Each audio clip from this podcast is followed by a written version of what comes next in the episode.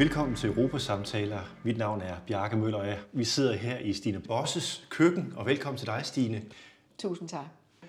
Du er jo formand for Europabevægelsen, og det har været siden 2015, og du er en markant stemme i Europadebatten, og vi skal tale om fremtidens Europa. Men inden vi kaster os over det, så vil jeg egentlig lige høre, du har jo en blandet opvækst, så at sige. Ja.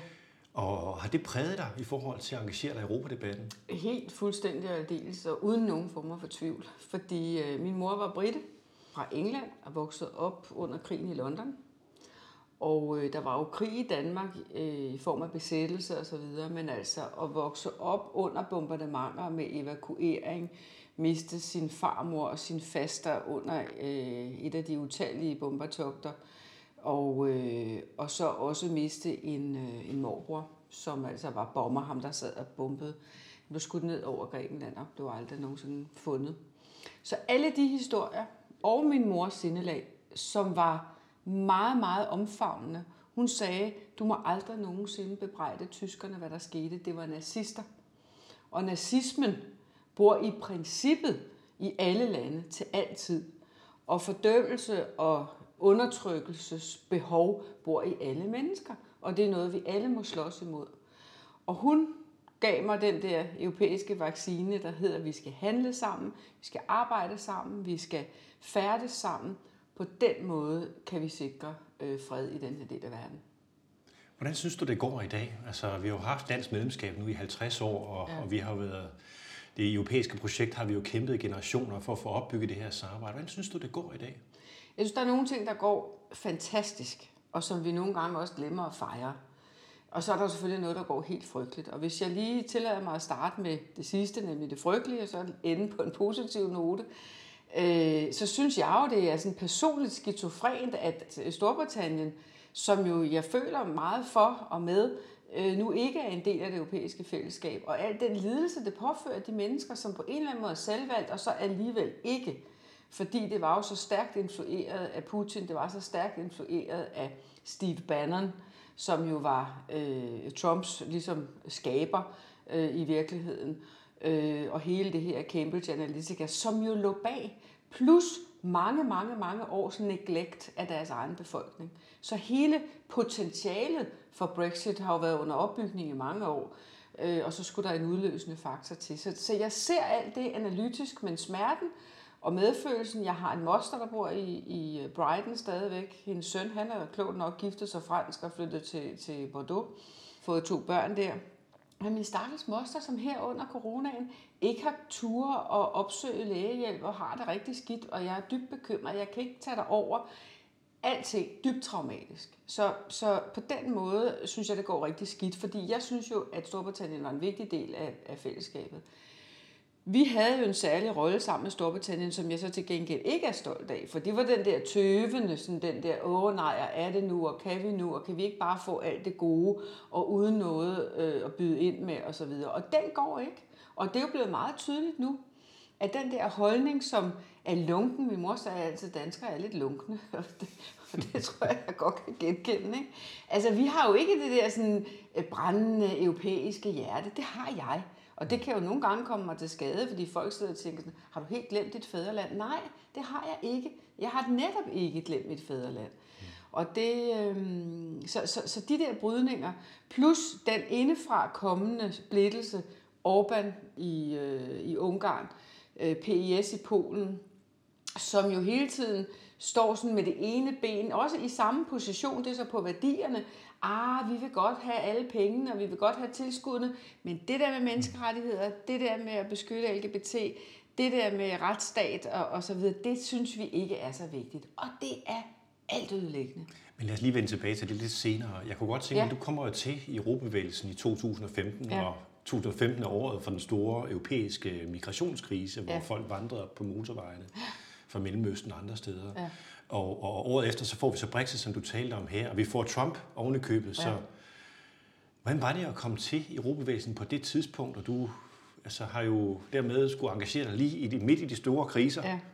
Det var meget mærkeligt, fordi, øh, og jeg er egentlig utrolig glad for spørgsmålet, fordi det var, da jeg træder ind i Europabevægelsen, jeg blev jo ikke formand øh, år et, Jeg træder ind i forretningsudvalget, og øh, Anne Jensen er kommet hjem fra, fra parlamentet, og alt under fred og ro. Men jeg var bange, og jeg blev ved med at sige, prøv at der er noget galt. Den viden, der er om Europa, den, den opmærksomhed, Europa får øh, fra anmelden befolkningen i Danmark, er alt, alt, alt for lille i forhold til det impact, der er. Og nogle af mine, mine kollegaer der, de var sådan lidt, åh ja, ja, vise vasse, ikke? Og jeg turnerede rundt i vores distrikter og så videre, fortalte om risikoen med Putin, problemerne i Mellemøsten, som USA kommer til at blive mere og mere ligeglade med. Alt det, vi ser i dag, det rejste jeg rundt og talte om. Jeg kan godt huske, nogle gange folk sådan kiggede lidt og tænkte, hvad er det egentlig, hun siger, ikke? Men så begyndte tingene jo at rulle, og så fik vi øh, migrationskrisen, og altså netop det der med, at der er ikke nogen, der, der øh, øh kommer og hjælper os der. De der spørgsmål, som jo er både på et human plan jo katastrofale, men jo også vanskelige for Europa at takle. De lå der, og de skulle diskuteres. Og jeg tog jo det klare mærkestandpunkt, at jeg sagde, selvfølgelig kan vi løse det her og nu, uden at Orbán begynder at skyde. Det har vi jo glemt. Det var jo det, der var grunden til, at hun sagde, at vi har schaffen das. Det var, fordi han troede med at skyde migranterne ved grænsen. Så sagde hun, det går ikke. Ikke på min vagt. Hun var østtysker. Så der skulle ikke skydes nogen ved nogen grænser. Så hun sagde, lad dem bare komme ind. Det sagde hun jo ikke som en evighedsløsning.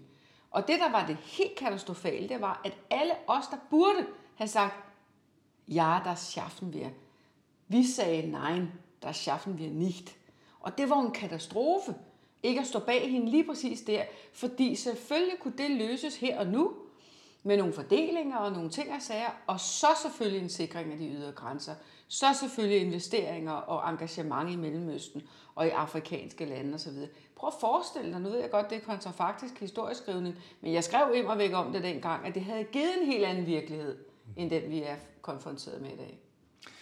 Nu har du jo en, baggrund også som lokalformand i, i DSU, og nogen har jo altid beskrevet dig som socialdemokrat, jeg tror ikke, du, du har et, et åbent sind, øh, bevæger dig ja. af min fornemmelse. Men hvad tænker du egentlig om det at have en socialdemokratisk regering, der, der står ved siden af Sebastian Kurz og Benjamin Netanyahu midt under coronapandemien? Altså, du, du skubber jo til noget i mit inderste hjertekugle, fordi ja, jeg var med til at stifte DSU i, øh, i Gilleleje, og ja, min oldefar, han var med til at stifte Socialdemokratiet i København. Så jeg har et eller andet inde i min dybe, dybe sjæl, sådan noget arver, men det tror jeg meget på, som handler om social retfærdighed. Og derfor, og samtidig er jeg jo dybt liberal, altså jeg har elsker erhvervsliv, og elsker iværksætteri og så videre. Det har en baggrund som erhvervskvinde, ikke? Så jo, jo, jo, ja, det, det. At det kommer jo ja. aldrig, fornægter sig jo aldrig, og min far var selvstændig og byggede virksomhed og så videre. Så det ligger der også. De to ting koblet sammen. Men derfor, da vi havde øh, regeringsskifte, der tænkte jeg, ja, nu kommer der ligesom øh, den der klassiske socialdemokratiske ordentlighed, som nok nu den her gang tager, hvad kan man sige, ligesom jeg synes, Torning-regeringen allerede lavede op til, tager hele problemstillingen med inklusion mere alvorligt, og ikke bare skubber det til hjørnespark og siger, at det er noget, vi ikke taler om. Fordi det, det synes jeg faktisk øh, har været en kæmpe fejl op igennem nullerne men, og 90'erne for den sags skyld. Men, men det fik vi så ikke. Og jeg kan stadigvæk den dag i dag ikke helt finde ud af, hvad det er, vi har fået. Hvis jeg skal være, hvis jeg skal være i det dybt pessimistiske øje, øje øh, eller hjørne, så er det sådan et, et forstørret DF. Og så kan jeg alligevel skimte lyspunkter.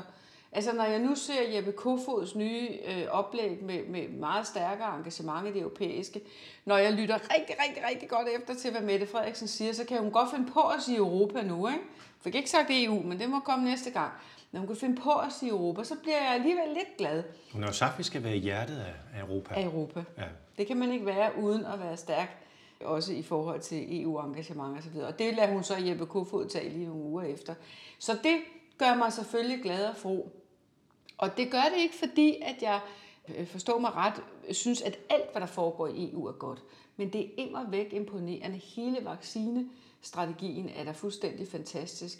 Hele det, der sker omkring øh, Green Deal, så kan man have øh, øh, ønske sig mere eller mindre. Det er immervæk også fantastisk i en tid, hvor vi ved, det er økonomisk vanskeligt. Så der er nogle steder, det at vi nu begynder bare at tale om, at vi er nødt til at forme en fælles europæisk udenrigsposition.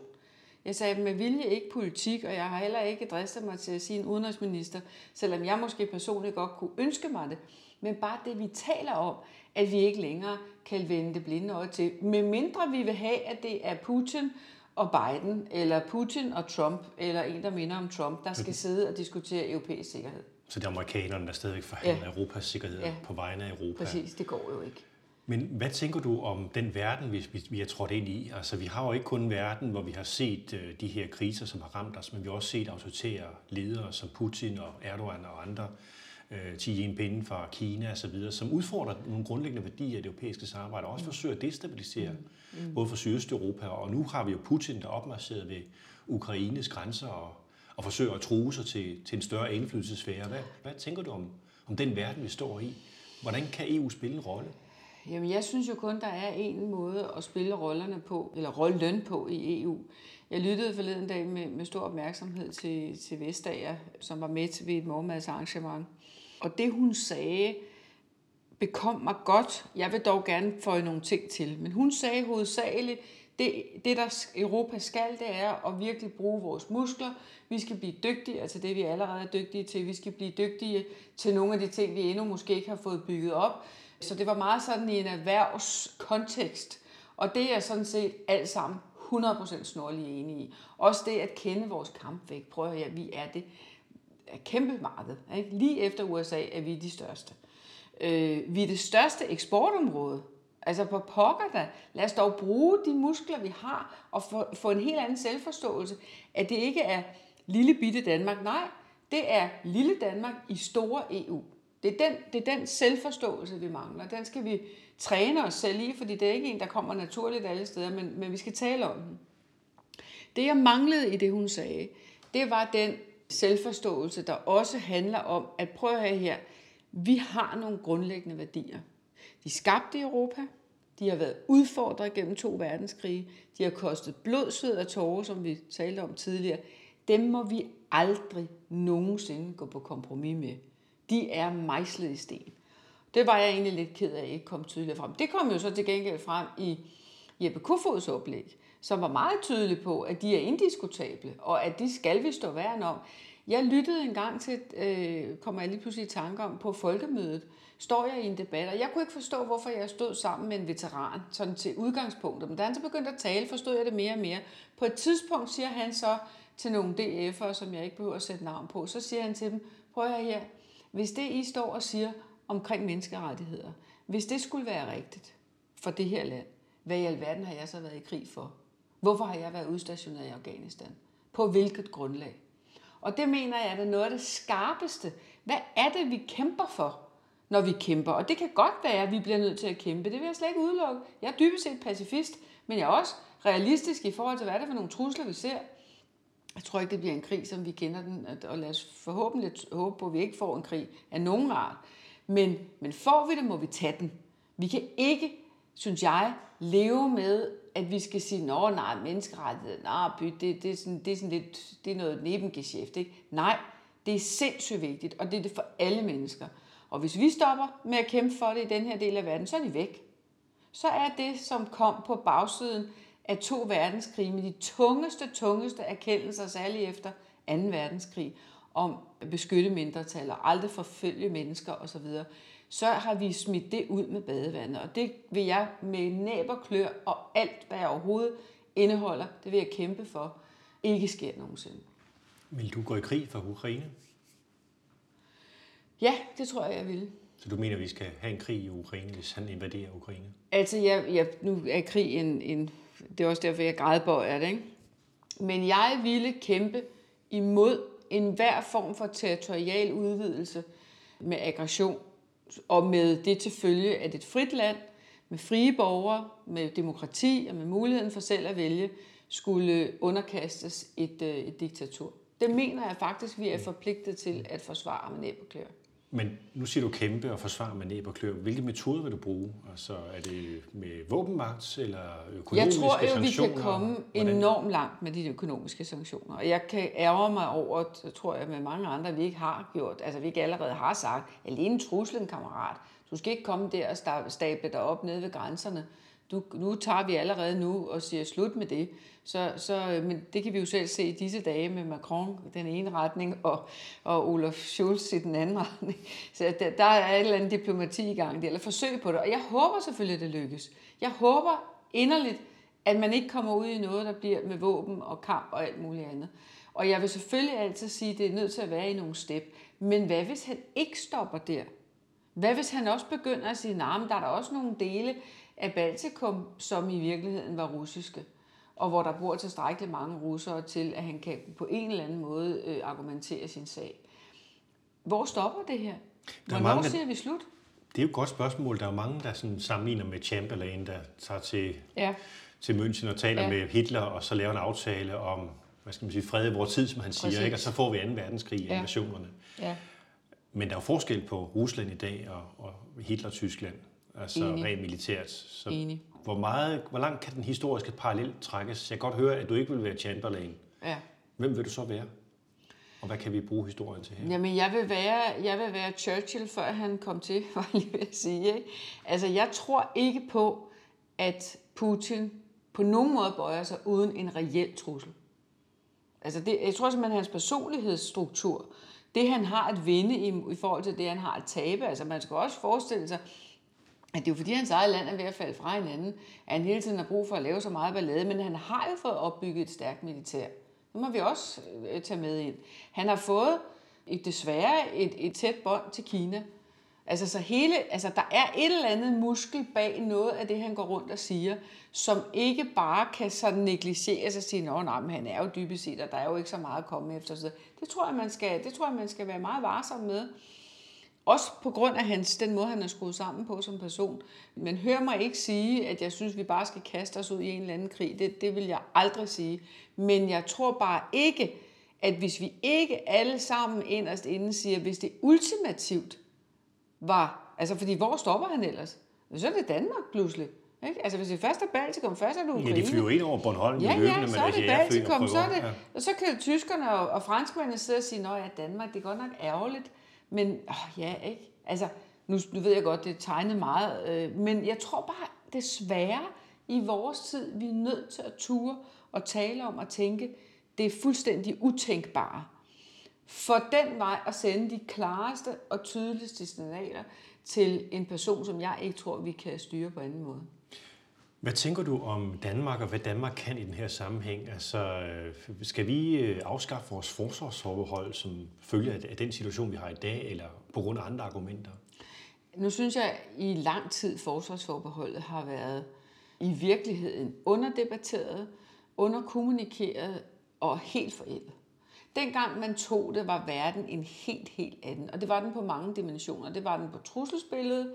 NATO var stærkt. Man kunne sagtens argumentere for, at NATO var vores vej øh, og, og, og ikke spor andet.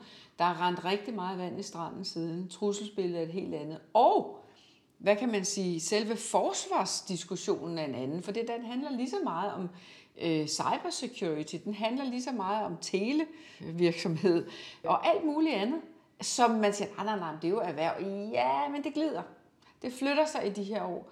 Og værktøjerne bliver nogle andre. Den måde, altså, øh, hvad hedder det, cyberangreb på virksomheder, på øh, kritisk infrastruktur, det er jo den måde, at krig kommer til at foregå. Det er meget mindre det der troppeopbygning. Det, det foregår meget allerede. Andet. Vi har set Præcis. Putins hacker her og så videre influere valg og den slags. Præcis. Så og jeg, jeg er ikke en, der siger, at vi skal have det ophævet lige sporenstrejs, og det er altafgørende osv. Det synes jeg faktisk er forkert.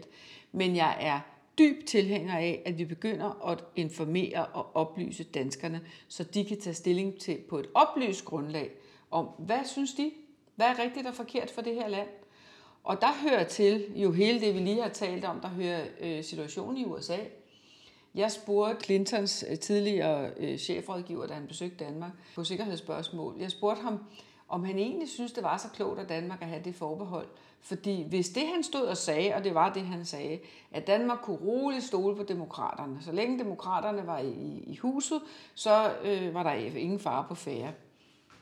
Det vil altså sige, at med en eller anden statistisk sandsynlighed, så cirka halvdelen af tiden kan vi ikke stole på det. Så er det et helt andet billede, vi skal sidde og kigge ind i. Og så er NATO noget andet, end det det var. Så alle de der ting bliver vi nødt til at få op til overfladen, få grundigt diskuteret, få forklaret, og så er jeg jo, øh, hvad hedder det, først på det tidspunkt, synes jeg, man skal begynde at tale med folkeafstemning. Og hvis det nogensinde kom til en folkeafstemning, så vil jeg kun ønske mig den, hvis de ansvarlige partier, som kan se, at vi skal have ophævet det forsvarsforbehold for at beskytte Danmark bedst muligt, vil være klar til at gå i bræschen for det. Hvis vi får sådan en gang vatter bomuld og hatter briller, som vi havde med, med retsforbeholdsdiskussionen, så heller nej tak, fordi det er kun noget, der forvirrer danskerne så. Hvad tænker du om det kompas, vi har i Danmark? Altså, vi har jo en, en forestilling om, at USA altid kommer og redder os, fordi det er ligesom indlagt i vores DNA efter 2. verdenskrig og den erfaring, vi havde, og hele efterkrigstiden, hvor amerikanere var meget aktive støtter af den europæiske integration. Øh, så vi har en fornemmelse af, at amerikanerne bakker os op, men du rører lidt ved det der med, at USA måske godt kan være et andet, og, der er folk, der taler om, at republikanerne kan få et flertal i kongressen her ved midtvejsvalget i 22, mm. mm. og så kan vi måske i 24 se en, en, en Trump eller en anden type ekstremist komme tilbage. Ja. Vi har senest set republikanerne øh, også ikke kunne blive enige om at fordømme det kupforsøg, der var den, den 6. januar sidste år. Hvad tænker du om, om, om det USA, vi har haft som allierede, og der er også den danske analyse, altså at vi, vi altid kan stole på amerikanerne? Jeg tror som udgangspunkt, vi kan stole på amerikanerne. Vi kan i hvert fald stole på rigtig mange af dem. Men der er også nogen, vi ikke kan stole på. Jeg synes, de bølger, vi ser i USA, som i virkeligheden destabiliserer USA indefra. Altså, folk siger, at det, der foregik ved sådan belejringen af, af The White House, at det var okay. At det var sådan set, det er ikke noget, vi skal tage os noget af. Hvis du har sådan nogle bølger, hvis du har bølger, og store bølger, ikke bare nogle små lunatics, men altså reelle, øh, opretgående politikere, som vi normalt ville feste lid til at sige, at de mener måske noget andet, sådan politisk, men, men, men det er dog mennesker, vi sådan på det værdipolitiske kan have tillid til. Det har ændret sig. Og det er det, jeg også synes, vi bliver nødt til at få øjnene op for i Europa og sige, ja, ja, NATO, yes, det er fint, og det skal vi for alt i verden, og det mener jeg virkelig, at der er en transatlantisk alliance, som vi virkelig skal undgå at bryde, men vi bliver bare nødt til at være realistiske, også i forhold til, hvad det skal koste os, også i forhold til, hvor meget vi er nødt til at have selv. Altså, hvor vi ikke bare kan sige, at det udstationerer vi til amerikanerne. Jeg synes ikke, den går længere. Vi har også en, en, en global situation, hvor Kina ligesom er en udfordrer nu til, til USA, og det bekymrer amerikanerne meget, at der er nogen, der udfordrer deres position som, som supermagt. Og, og så er der mange, der mener, at vi ligesom skal stå skulder ved skulder ved, ved USA, øh, selv hvis nu for eksempel Taiwan blev invaderet af kineserne, for demokratiets skyld. Og værdipolitisk øh, er det kan være fristende i forhold til det, vi har haft som erfaring. Hvad tænker du om, hvor langt vi skal gå i, i den transatlantiske alliance, nu hvis det skulle komme til en konflikt med Kina? Jamen, jeg synes jo, vi skal, hvis, hvis vi har en alliance, så har man en alliance, og den skal man kunne stole på. Men jeg ser jo nok også mere og mere Europa stå et eller andet sted imellem de to store magter. Og den vej rundt, og det kan så forekomme lidt lunken, apropos. Ja, hvordan men, er det egentlig men, med at stå midt imellem? At stå bare midt imellem, eller ja. hvad er det for noget? Hvor står vi egentlig? Nej, altså jeg, jeg, jeg vil nu sige, at jeg læner mig langt mere mod øh, USA stadigvæk. Det er jo et demokrati. Ja, du står skulder ved skulder med ja, amerikanerne. det gør jeg. Ja. Men jeg tror omvendt ikke, man skal være, og det er jo også den udvikling, vi ser ske, jeg tror ikke, man skal være naiv i forhold til at sige, jamen altså, det at kunne samhandle med kineserne, og hvis vi ikke har pludselig den forbrødring, som vi har, og som vi bliver ved med at, synes jeg, putte i hvert fald øh, holdningerne ind i, så skal vi nok også til at komme til lommerne og putte nogle flere penge ind i. Hvis ikke den kan udbygges, og hvis ikke den er stabil i forhold til systemerne, øh, og deres skiften i USA, så bliver vi jo simpelthen nødt til at finde ud af, hvad pokker vi gør. Men, men jeg synes jo, vi i alt for lang tid, det er det eneste, jeg har været enig med Trump i nogensinde, og det, det var jeg så til gengæld også, at vi alt for længe var naive i forhold til, at vi ikke stillede nogle krav til kineser i forhold til menneskerettigheder, øh, rule of law, demokrati osv., som de jo roligt kunne sige, jamen det er ikke jeres business, men det burde have været vores business. Og vi lagde jo fuldstændig kritikløst, det har jeg jo selv siddet og diskuteret med CEOs, også danske CEOs, og har sagt, er det altid så klogt at lægge så meget produktion i, til Kina?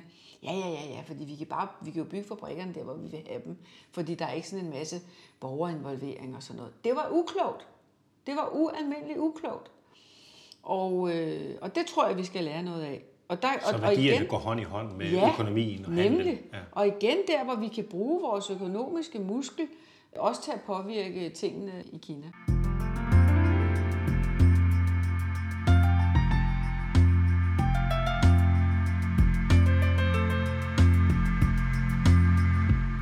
Hvis vi så placerer Europa, sådan, hvad er det for en rolle, som Europa har i den her verden, hvis vi kigger frem mod 2030? Hvad, hvad er det for nogle værdier, og hvad er det for en retning, som det europæiske samarbejde har?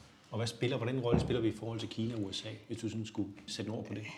Altså, jeg, jeg synes jo, vi skal kunne lidt øh, begge veje. Det var en hund, der sprang op på skødet her, hvis nogen Hvad hedder den? undrer sig over lyden. Den hedder skilaki, det betyder lille hund på græsk. Okay, ja. Øh, altså jeg, jeg tror jo på, at der kommer noget godt ud af, at vi, det det der med, at jeg siger med, at vi skal kende vores eget selvværd, og vi skal kende vores egen magtposition i verden. Og så skal vi have rasende travlt med at udbygge den der, hvor den er stærk i forvejen, og reparere der, hvor den har nogle svage punkter. Og gør vi det, så har vi jo rigtig meget at byde på. Lad mig tage et rigtig godt eksempel. Hvis du tager hele det, der hedder EU-mærkningen, standarder for, for industriprodukter, og nu begynder vi faktisk også at kunne se, at det kommer ud i, i øh, mere digitale produkter. Men alt det, det har jo hver gang vi har gjort det, så har det bredt sig til resten af verden. Selv GDPR-lovgivningen, den meget udskældte GDPR-lovgivning, siver jo nu pludselig ud andre steder, fordi vi er et stort marked, og vi siger, at vi stiller faktisk krav til, at hvis du vil handle med os, vi skal købe dine produkter, så skal de leve op til nogle standarder. Så høje standarder på mange ting, altså lige fra produkter og deres, øh, deres sundhedsgrad til værdier og. Overholdelse af menneskerettigheder. Overholdelse af menneskerettigheder, den måde, vi opfører os på over for hinanden, beskyttelse af, af mindretal, øh, ikke vold over for kvinder osv. osv. Alt det, vi, vi virkelig gerne vil være kendt for, det skal vi fejre, og det skal vi udbygge. Og så skal vi have selvtillid nok til at tro på, at det spreder sig i verden, og ikke blive skræmte og begynde at sidde og sige, nej, men det kan vi godt grædbøje lidt. Det, det behøver vi ikke at gå så meget op i. For slet ikke at tale om dem, der vil afskaffe det. Det er jo helt katastrofalt. Hvis vi kigger på det nye konkurrencelandskab, så har det været præget de senere år af digitale giganter, som dominerer mere og mere, og også spreder sig til andre dele af erhvervslivet, og faktisk øh, er en del af industrien integreret. Digital er en del af alt i dag Ja. jo. Alle serviceydelser er digitale og så videre. så videre. Der er alt muligt, som er digitalt komponenter. Digitale giganter Ja. har adgang til vores data. Det er jo en debat, du engagerer dig i. Ja. Kan Europa spille en, en rolle i forhold til det der? For i dag har vi jo Silicon Valleys giganter, der ligesom dominerer Europa, og så har vi nogle kinesiske giganter. Ja. Kina har en anden model end amerikanerne. Der er forskellige modeller. Hvordan kan EU gøre en forskel for Danmark og Vi til gavn for kan- danskerne? Vi både kan og er i gang med heldigvis, og der synes jeg, at øh, Margrethe Vestager fortjener at blive både fremhævet og klappet af og alt muligt andet. Fordi det er ikke så nemt, det her. Det er nogle økonomier, der er så store, så svimlende, så vi slet ikke kan forestille os det. Hvis du tager de fem største, sådan var det sidst, jeg så på det, de fem største øh, store digitale virksomheder, altså alt fra Amazon til Facebook og Google og you name it. Hvis du lægger dem ved siden af hinanden, så, så begynder de at nærme sig en europæisk økonomi. Samlet europæisk, altså EU-økonomi, ikke? Det er jo helt Så det vanvittigt. sammenlignet med markedskapitalisering og, og Ja. bruttonationale produkt, ja. Så, der, så du skal op i den størrelse for at kunne være i øjenhøjde med de her typer. Og jeg siger ikke, de hverken er ondskabsfulde eller noget som helst andet. Jeg siger bare, at al privat økonomi til alle tider skal have nogle rammer. Ellers så er der simpelthen en, en drift, en grådighed, en basis menneskelig forudsætning, som gør, at det løber ud af kontrol. Det har vi set med finanssektoren.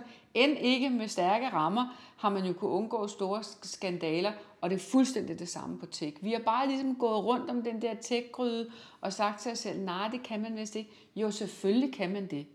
Har vi Det er været naive? Har vi været naive? Dybt naiv. Hvorfor? Dybt naiv. Jamen fordi, at øh, min generation, jeg er 61, jeg var, jeg var sådan overwhelmed med alt det der, det der jeg kunne. Jeg var bare sådan, gud, hvor er det smart. Lad os bare gøre noget mere af det. Og det jo gratis. Og det var gratis, og vi tænkte os slet ikke om, og vi, der var rigtig mange ting, hvor vi ikke fik, øh, og hele effektivisering og processtyring og alt muligt andet, hvor de der grundlæggende hensyn til mennesker og menneskers data osv., det fik vi slet ikke taget fat i. Og det er så meget sent, vi er ude nu, men det er ikke for sent. Og de reguleringer, som jeg øh, forventer kommer, som jo vil betyde, at de skal ændre adfærd. Hvis de skal være her hos os, nu kan du også se Zuckerberg, så siger han, "Nå, men så vil de ikke være der med det der metasystem. Det vil De de tror ikke. med at trække sig ud af Europa. Ja, så siger jeg be our guest. Så må vi lave, og det spåede jeg til den der danske Dansk Industrikonference, hvor jeg sagde, jamen altså, så ville det være fantastisk om 20 år, at vi havde noget, der hed, øh, hvad var det, jeg kaldte det, et eller andet safe space eller sådan noget, som var vores Facebook, og som fulgte vores regler.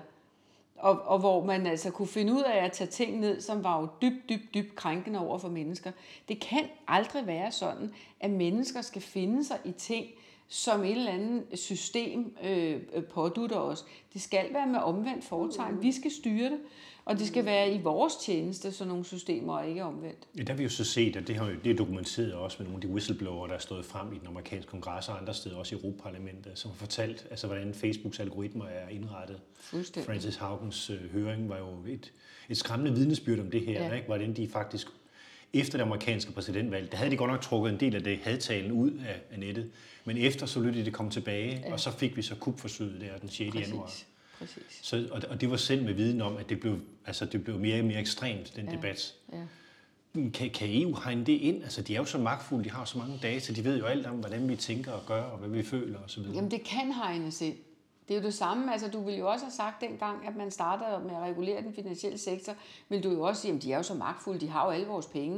Det er jo, det er jo dem, der styrer hele øh, pengeflowet og, og så videre. Det kan vi da slet ikke regulere. Jo, vi kan, og, og, og det er det, jeg synes, der er godt ved, at, øh, at det nu er kommet op på det politiske niveau, det er. Fordi det kan man, selvfølgelig kan man det, men det kræver selvfølgelig, at der er nogle embedsfolk og nogle, nogle øh, politiske designer, som ved lige så meget om algoritmer, som ved lige så meget om, hvordan de her ting bliver drevet, som, som de selv gør. Øh, men altså, så svært er det ikke. Det er det mm. altså ikke. Mm. Det, er jo, det er jo programmeret psykologi. Det er jo en algoritme. Det er jo en programmeret psykologi. Det, der gør øh, de der ting øh, ekstraordinære, det er den grad af segmentering. Segmentering har vi arbejdet med altid i alle virksomheder sagt, at nu skal vi kommunikere til, til ældre kvinder for eksempel. Det er jo en måde at segmentere på. Her der granulerer de det bare. De går helt ned på mikrodata, så de ved, hvad du har fået til morgenmad. Ikke? Og så kan de fuldstændig targete, at når klokken den er cirka 11, så skal han lige have en Marsbar-reklame, der kører forbi på hans, på hans Facebook. Svær er det ikke?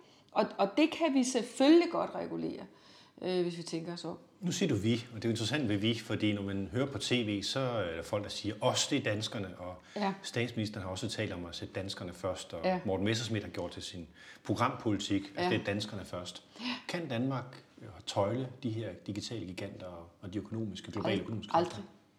Aldrig? Det kan ikke lade sig gøre. Ja, så skal vi blive sådan en lille, lille ø. Ja, det tror jeg faktisk ikke.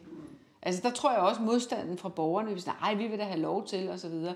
Det er nødt til at være noget, vi gør, og når jeg siger vi, så er det selvfølgelig i Du kan ikke bare have Danmark ind og sige, at vi sætter et, et internethegn op omkring digital gigant og siger, nu stopper det her i Danmark, er vi ordentlige? Det tror jeg faktisk ikke, man kan. Altså, jeg kan ikke se, med hvilken muskel man skal gøre det, fordi det kan da godt være, at de vil sige, at det er fint, så, så, øh, så kan vi bare ikke øh, servicere den del, den lille del af verden. Så, så øh, at, at de mennesker, som har øh, til dansk statsborgerskab og bor i Danmark, de er så bare ude af, af Facebook, fordi vi kan ikke imødekomme det krav. Noget andet er det som den her skat på Netflix og så videre. Det kan lade sig give sig, fordi det er ligesom en anden liga. Ja, det er en skattekompetence. Ja, men Facebook og Google og så videre, det er jo også fordi, det er blevet, i virkeligheden har vi lavet det blive til kritisk infrastruktur. Prøv at lægge mærke til, hvor mange skoler og øh, klubber og daginstitutioner og you name it. De bruger Google software. De bruger Google, de bruger Facebook mm. til at lave grupper osv. osv. Hvis du pludselig unpluggede det, så vil du jo virkelig unplugge også nogle gode ting. Og det er jo også det, man skal huske i det her. Der er jo rigtig meget godt at sige både om Facebook og Google og alle de andre. Det er absolut ikke noget, der er skabt i ondskab. Men hvis ikke ting bliver reguleret, og det er privat ejendom, så er der jo et, og det øh, kan jeg bevidne med al ønskelig tydelighed, selvfølgelig er der en drift efter, at vi skal tjene nogle flere penge. Det er klart, og det er uanset, hvor mange, ja. uanset hvor mange penge de tjener, mm. så vil de tjene flere. Mm. Og det er det, der gør, at det hele tiden bliver skubbet til øh, med mere og mere, og, og det skal reguleres, så ja, så ender det forkert. Men nu pirker jeg lidt til det med danskerne først, og det med, at vi kan sætte Danmark først, og vi kan ligesom hegne os ind. Ikke? Ja. Og det har vi også haft ude i debatten, og, ja. og man kan tale i forhold til sikkerhedspolitiske udfordringer, økonomiske udfordringer osv. Ja. Hvorfor tror du, at, at, at folk har sådan den der reaktion, og sådan måske nogle gange siger, længes efter, at vi selv kan klare det her, altså få kontrollen tilbage? Det er jo en, synes jeg, naiv forestilling om, at Danmark kan opretholde suverænitet uden et fællesskab. Og fordi det tror jeg ikke. Jeg havde en debat forleden dag med Alex Arensen, hvor jeg siger, du kan ikke, altså hvis du nu lykkedes med din politik at trække Danmark ud af det europæiske forpligtende fællesskab, hvem skulle du så lege med? Hvem er det så, der er dit marked? Hvem er det så, der er det sted, du laver klimaløsninger? Hvem er det så, der er det sted, du har sikkerhedsdiskussioner, cyber øh, security diskussioner? Er det så USA? Sådan med skiftende systemer. Er det Putin? Er det Xi Jinping? Hvem er det, hvem er det du leger med, hvis du lukker det her ned? Og, og det svarede han mig aldrig på. Altså, jeg blev lidt irriteret på mig, men det er ligesom en anden side af sagen. Svarede mig aldrig. Og det er den realitet, vi er nødt til at se i øjnene, og det er den diskussion, vi er nødt til at have som danske statsborgere. Og jeg, jeg taler jo for, at vi har masser af suverænitet, når vi arbejder sammen i fællesskabet. Så er der nogle ting, hvor det ikke bliver lige præcis på den måde, vi ville have lavet det. Hvis det nu var noget, vi sad og lavede inde på Christiansborg, så bliver det der bedøvende ligegyldigt. Det er et spørgsmål om slet ikke at kunne, eller kunne rigtig, rigtig meget øh, sammen med nogle andre. Dansk Folkeparti's formand Morten Messersmith har jo foreslået, at man skal trække Danmark ud af den europæiske menneskeretskonvention. Hvad tænker du om det? Jamen, jeg tænker, det er fuldstændig bindegalt. Og det mener jeg virkelig. Og for siden første gang, han skrev om det en sommerferie for fire år siden, eller sådan noget, det er et stort opslag i, øh, i Berlinske, var jeg dybt chokeret og dybt foruroliget over, at der virkelig er nogen, der kan have den tanke, når man læser menneskerettighedskonventionen, altså nu har han ikke fået spørgsmålet, hvilket også synes jeg er meget mærkeligt. Han har været i flere interviewer om, om det her. Hvad er det for noget, du ikke bryder dig om? Er det, er det dødsstraf, du gerne vil have genindført? Er det øh, beskyttelsen af demokratierne?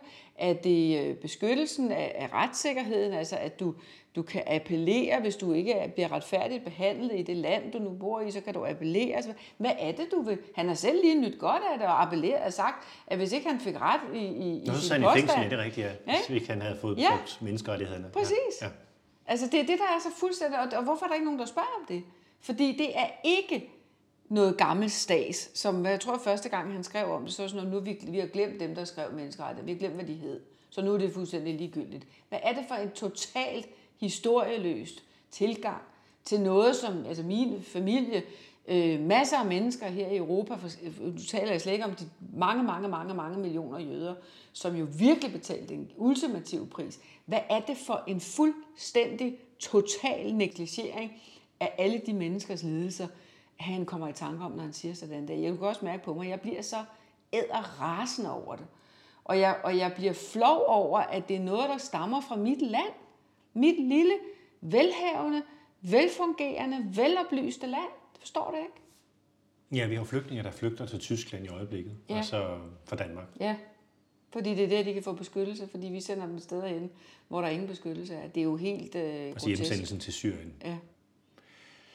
Men lad os lige løfte blikket fra den lille anden dam, og så kigge lidt på den reformdebat, der foregår jo i EU i øjeblikket. Og, der er jo, den nye tyske regering har jo talt om, at der er brug for en traktatreform i EU, og vi har Macron, som også har talt meget om den suverænitet, den europæiske suverænitet ja. og strategisk åben, strategisk autonomi, taler man meget med kommissionen. Ja. Så der er jo nogle, nogle, nogle strømme, der kan ligesom gå ind i en diskussion om, skal den europæiske unionstraktat ændres for, at Europa kan få handlekraft i verden og kan forsvare ja europæerne i forhold til de der autoritære diktatorer og ja. Øh, de økonomiske strømme osv. Ja. osv. Hvad, hvad tænker du om, om den debat? Kan, kan Danmark spille en rolle her? Og hvad, hvad skal vi spille ind med? Altså, øh, det sagde jeg i hvert fald forleden dag til, til Jeppe Kofod. Jeg håber, at vi påtager os rollen som den, som, fordi det man altid skal se for sig, det er, at du skal have Tyskland og Frankrig til at blive enige. Det er ikke altid nemt, det siger de også selv. Og man kan jo sådan set bare forestille sig en tysk bil og en fransk bil. Blandingen er det bedste, og det gælder også i EU-sammenhængen. Ikke? Vi skal hverken have en kun tysk eller en kun fransk bil, vi skal have blandingsbilen. Og der kan små lande, hvis vi gør det dygtigt, og vi bruger vores diplomatiske evner, og vi for eksempel brugte, hvad kan man sige, folkets engagement. Og der kunne det være i forbindelse med at man sagde, nu tager vi en diskussion om vores forsvarsforbehold. Nu vil vi noget mere i det europæiske. Nu kommer vi øh, til bordet og, og byder ind med nogle ting. Der kunne vi jo påvirke tingene. Og det vil jeg ønske ligger i kortene. Sådan så vi, og jeg vil jo så ønske mig, at vi påvirker det i en retning, at vi sagde, at vi skal finde Øh, jeg spurgte ham også, altså er der et sted, hvor man ligesom som for alvor taler om en fælles udenrigspolitik? Det svarer han ikke på, for det findes jo ikke endnu. Men det tror jeg kommer. Og det kunne man jo påvirke. Man kunne påvirke processerne og formen, og hvordan sådan nogle ting skulle forhandles på plads. Der vil et lille land virkelig kunne være instrumentalt, og det har vi været før. Det har vi været før i tiden. Så er vi bare blevet mere og mere lunkne og mere og mere sådan skeptiske. Og nu kunne vi virkelig for alvor, og vi kunne gøre det på en måde, så det gav genlyd. På en måde, så man virkelig fik boostet det europæiske og sagde, hold da op, det der land, som har været totalt sådan lidt bange for det europæiske og lidt, lidt øh, sådan overkritiske, er nu inde og virkelig vil, vil fremme nogle ting. Det tror jeg, vi kunne få utrolig meget lydhørhed på.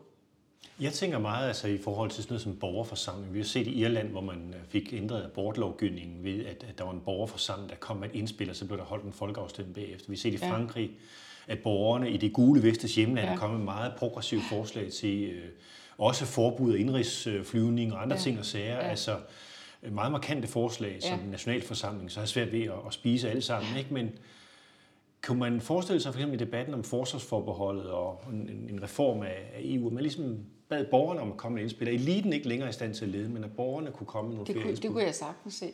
Og jeg har, jeg har altid haft den oplevelse, uanset hvor jeg har været i Danmark og diskuteret europæiske spørgsmål, at når vi har diskuteret rigtig politik, og ikke den her kabrede, skal vi være der eller skal vi ikke være der, af suverænitetsdiskussion, men når vi har diskuteret rigtige spørgsmål, og løsningerne på de rigtige spørgsmål, så er, vi, så har jeg altid mødt med bagefter, hvor er det dog dejligt, at kunne tale om europæiske spørgsmål, uden at det er et spørgsmål om enten eller, men hvor det er løsningerne, vi skal have på bordet. Så det vil jeg synes var en glimrende idé, jeg vil helst det dybt velkommen, og formentlig er det jo det, hele den her Future of Europe har varmet op til, og som jeg altid har sagt, Future of Europe-diskussionen, som jo er den, der er initieret af kommissionen til ligesom at få mere borgerinvolvering, den må aldrig stoppe. Den kan ikke have en slutdato, fordi den havde faktisk lidt for sent startdato. Kan vi ja, den også været svær på grund af pandemien ja, og for folk ja, at mødes fysisk. Præcis. Og sådan. Der sker noget, når folk mødes i samme rum. Her til sidst, øh, Stine Bosse, hvis du kigger frem mod øh, EU i 2030, hvad er det så for et EU, du ser for dig? Jeg, jeg, jeg vælger at lave det som ønsketænkning, fordi jeg, jeg, alle mine forbehold er der jo altså også. Men jeg ønsker mig et EU med en stærkere selvforståelse, med en langt stærkere borgerinvolvering, med en, og altså på sundt grundlag, med en klar rolle i verden, hvor vi kan markere, at de ting, vi står for, altså demokrati, retsstat, beskyttelse af mindretal osv., osv., det vi har talt om, lighed mellem mænd og kvinder, at det får en plads i verden, og at den plads, som allerede er der, bliver meget mere erkendt, og derfra kan udbygges. Og vi har slet ikke talt om Afrika, men det kunne jo meget vel også handle om, hvordan repositionerer vi, fordi vi har et kolonialt øh, kompleks, ikke? altså vi var jo koloniherrer, ikke? så vi har et kompleks der, som vi skal have gjort op med. Vi skal finde en ny position i forhold til Afrika, og vi skal sørge for, at vi er mindre afhængige af USA, og vi skal selvfølgelig være gode venner med Kina, men aldrig naive.